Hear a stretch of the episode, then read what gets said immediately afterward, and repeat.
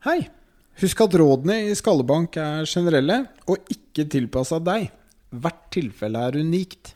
Derfor anbefaler vi at alle med hjernerystelse eller mistanke om det oppsøker kompetent helsepersonell for en individuell vurdering. Her kommer episoden.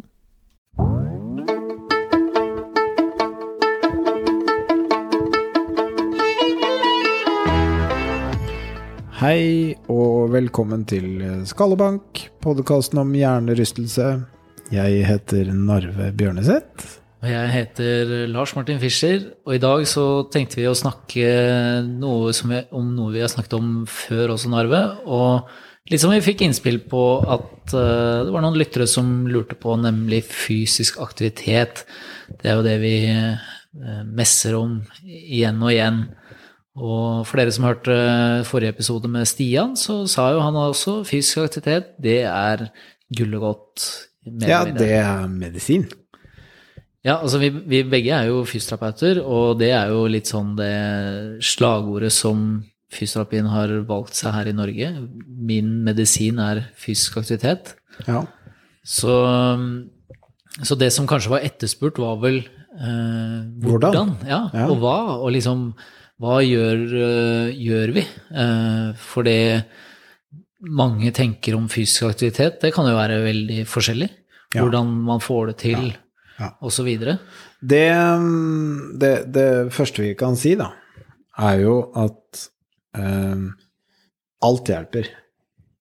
All fysisk aktivitet hjelper på å eh, resette eller gjøre at, at kroppen leger seg selv. Så det er jo viktig å understreke.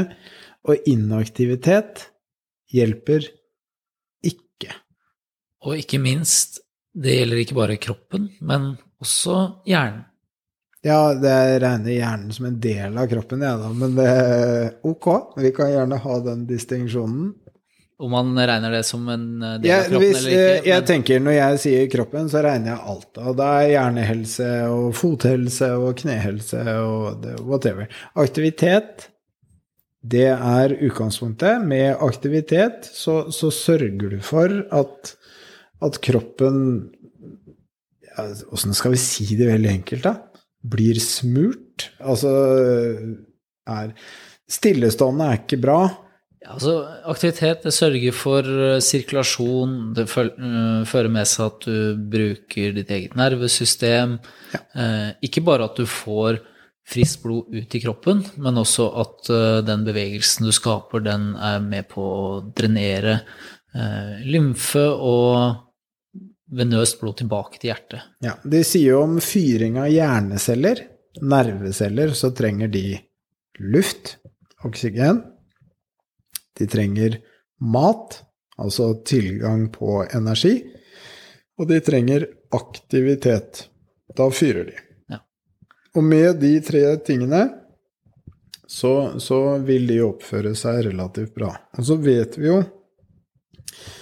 at eh, eh, hjernecellene, når, når det har oppstått en hjernerystelse, som ved all annen, eh, all annen irritasjon, inflammasjon eller betennelse, om du vil, ellers i kroppen, så, så denne opphopningen av kalsium i celler, den er med på å fortrenge oksygen. Så den vil jo da gjøre at det er lite tilgang på luft.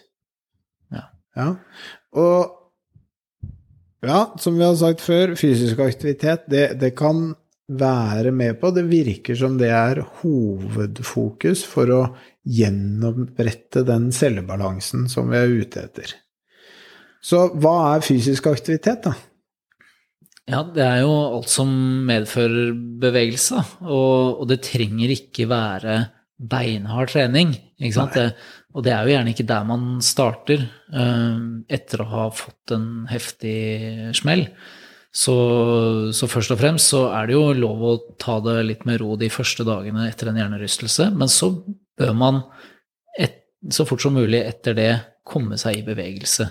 Ja. Og da er det jo ikke snakk om at du skal ut og blåse ut alle ventilene, men at du begynner eh, kanskje rolig å gå, eh, og bare bevege deg litt forsiktig og kort Ikke sant? Fem Det minutter er bedre enn å sitte, eh, sitte i ro. Ikke sant? Og, og og det som er anbefalt, er jo det man kaller subsymptomatisk trening. Så det betyr at du vaker rett under der hvor du pleier å få symptomer. Ja, og det er det ikke nødvendigvis alle som vet Nei. hvor, uh, hvor er. For Og, kanskje man ikke har prøvd? og kanskje du går og snakker med en som kan litt om hjernerystelse, så kan ikke vi si heller 'her går grensen'. Nei. Uh, Så det må man oppleve og, og finne Mm. ut av. Din grense er din grense.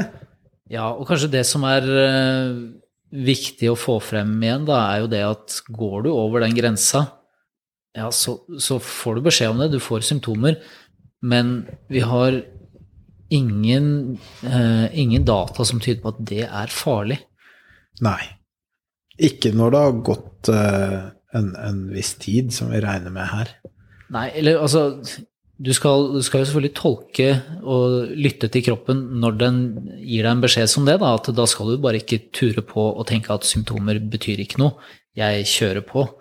Men uh, det er et signal om at det jeg gjorde nå, det var litt for mye, litt for tidlig.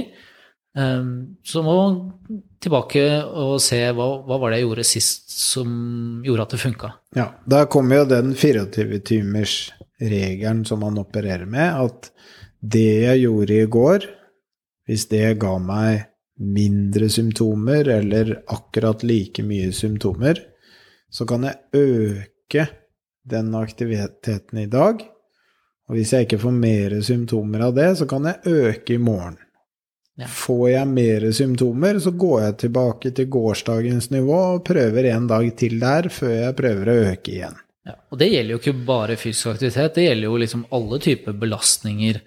Eh, Det være seg å være sosial, eller eh, være på jobb, på skole, Ja. eh, se på skjerm, ikke sant. Ja. Alt dette her må man justere litt, da. Ja. Men ok, eksempler på fysisk aktivitet, da. Det, det er jo litt sånn det, det vi opererer med, er jo at vi gjennomfører, gjennomfører en, en sånn Buffalo Concussion Treadmill-test. Ja. Og så finner vi ut om du får symptomer eller ikke under den testen. Ja, det er rett og slett en kapasitetstest. Altså vi vil mm. finne ut hvor, hvor ligger det nivået hvor du kan uh, være fysisk aktiv uh, på uten å trigge for mye symptomer. Ja. Og det vi bruker som en, som en pekepinn på belastning der, som, som dere som pasienter og, og andre tar med seg hjem, er jo et pulsnivå som man får beskjed om å trene rundt. Og det er jo litt vanskelig å, å vite det pulsnivået hvis du ikke har tatt den testen. Men poenget med pulsnivået er jo eh, at det er et, et ganske enkel måte å sjekke for deg om, om, om, du, om belastningen du gjør, er riktig for ditt nivå nå. Og hvordan øker vi belastning? Hvis vi tar utgangspunkt i å gå, da, som er den enkleste tingen vi kan gjøre. Jeg går i fire kilometer i timen på flatt underlag. Da vil det si at det er én belastning. Men hvis jeg går i en helning, altså en oppoverbakke, i nøyaktig samme hastighet, så er det en høyere belastning. Jeg bruker mer krefter, hjertet må jobbe hardere, og resultatet er totalt sett høyere puls. Og sånn må dere også tenke litt i forhold til fysisk aktivitet, om det da er sykling, eller roing, eller yoga, eller svømming, eller tredemølle, eller gå tur, eller hva som helst. Hvis man skal, skal vite noe om belastningen, så må du tenke hva er hastigheten jeg gjør det i, og på en måte hvor tungt er det? Er det en oppoverbakke, eller er det en nedoverbakke, eller er det helt flatt hele veien? For det vil ha noe å si for hvor hardt du jobber. Ja. Og så er det ikke nødvendigvis sånn at eh, det pulsnivået som du finner er greit når du går, da, f.eks. at det er direkte overførbart til å sykle eller å svømme. Det kan være at det er litt uh, forskjell. Ja. Så, så når vi tester eh, her hos oss på, på mølla, så, så er det jo veldig kontrollert. Vi, har, vi kan styre tempo, vi kan styre helningen. Eh, vi kan skru av musikken i treningssalen. Men det er klart at det er ikke alle som har en tredemølle nede i kjelleren eller en, en ergometersykkel. De beveger seg ute. Så, så, kanskje man også må tenke litt på omgivelsene. Det kan være andre faktorer som, som trigger deg mens du er i fysisk aktivitet. Ja. Sånn at, eh, sånn at Får du veldig mye symptomer av, av visuell input, av synsinntrykk, da er det kanskje ikke lurest å ta den gåturen på et kjøpesenter. Nei, ikke sant. Det det, er, det er, mange ting man kan dytte på og justere litt her, og legge til rette, i hvert fall. Så, men hvis du får til eh, på en god måte da, å gjennomføre fysisk aktivitet, så eh, så øker det blodstrømmen opp til hjernen. Og med blodet så kommer oksygenet som du etterspurte i stad, Nerve. Ja, ikke sant? Så nå har vi kommet med litt eksempler på fysisk aktivitet. Det er egentlig bare fantasien som setter en grense på hva en fysisk aktivitet er. Og som sagt, den pulsklokka, eller måten å måle puls på, det, det, gir deg et innblikk i hvor hardt du jobber. Altså i hvert fall hvor hardt hjertet jobber, og hvor mye blod som kommer opp til hjernen. Så derfor anbefaler vi at uh, det, det, kan være lurt å bruke puls som en, som en belastningsstyring da, når man driver med opptrening. Vi har ikke nevnt styrketrening. Nei, og det er jo um, Selvfølgelig går pulsen opp når du trener styrke eller saltrening eller uh, sånne ting også. Men poenget der er at den pulsøkningen uh, den kommer ofte mye kjappere. Den er vanskeligere å kontrollere enn når du gjør en type kondisjonsrettet aktivitet. Da. Ja, vi har heller ikke nevnt intervall, og det er av samme grunnen at, at, det vi prøver å unngå i en rehabiliteringsperiode, inntil vi vet at hjernen din egentlig syns at fysisk aktivitet er greit, det er jo altfor mye rykk og napp i, i, puls og blodtrykk. Nå er det eh, visstnok en lavere totalbelastning på blodtrykket hvis du løper intervaller kontra hvis du løper langkjøring, men det er en annen debatt. Ja. Men, men sånn, sånt råd som jeg alltid pleier å si, da, at det, det, som du må gjøre nå, er å finne en båndlinje eh, som du føler deg trygg på at du kan være i aktivitet uten å trigge symptomene eller at de forverrer de. Ja. Og har du etablert det, så har du i hvert fall et sted du kan starte. Eh, og det kan godt hende at det er litt lavere enn, enn hva som nødvendigvis er din reelle eh, grense, men da har du i hvert fall et sted å starte, og så kan du bygge sten på sten derfra. Og så kan jeg si én ting, og det er litt viktig, at hvis du aldri har trent, og begynner nå slått hodet, fått råd om fysisk aktivitet, nå skal jeg begynne å trene, så kan du forvente én ting, og det er at du blir støl. Og det har ingenting med hjernerystelsen å gjøre. Så muskelverk, stølhet i kroppen, det er rett og slett fordi du bruker kroppen på en annen måte enn det du er vant til.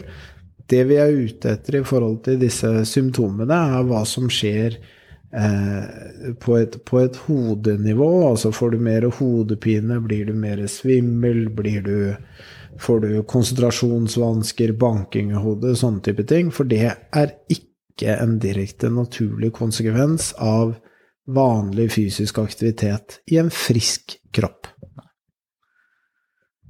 All right. Ja. Men Nå har dere fått litt å jobbe med. Men fortsett å, å, sende oss innspill på ting dere ønsker å høre mer om. Inntil videre da så sier vi bare at vi høres. Det gjør vi. Vi høres. Takk for nå.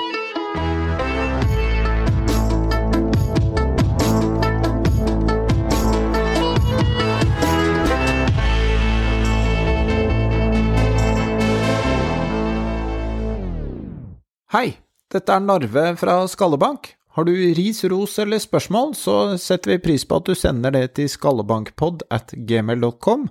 Du kan også følge oss på sosiale medier under Skallebank hjernerystelse. Det finner du både på Instagram og på Facebook.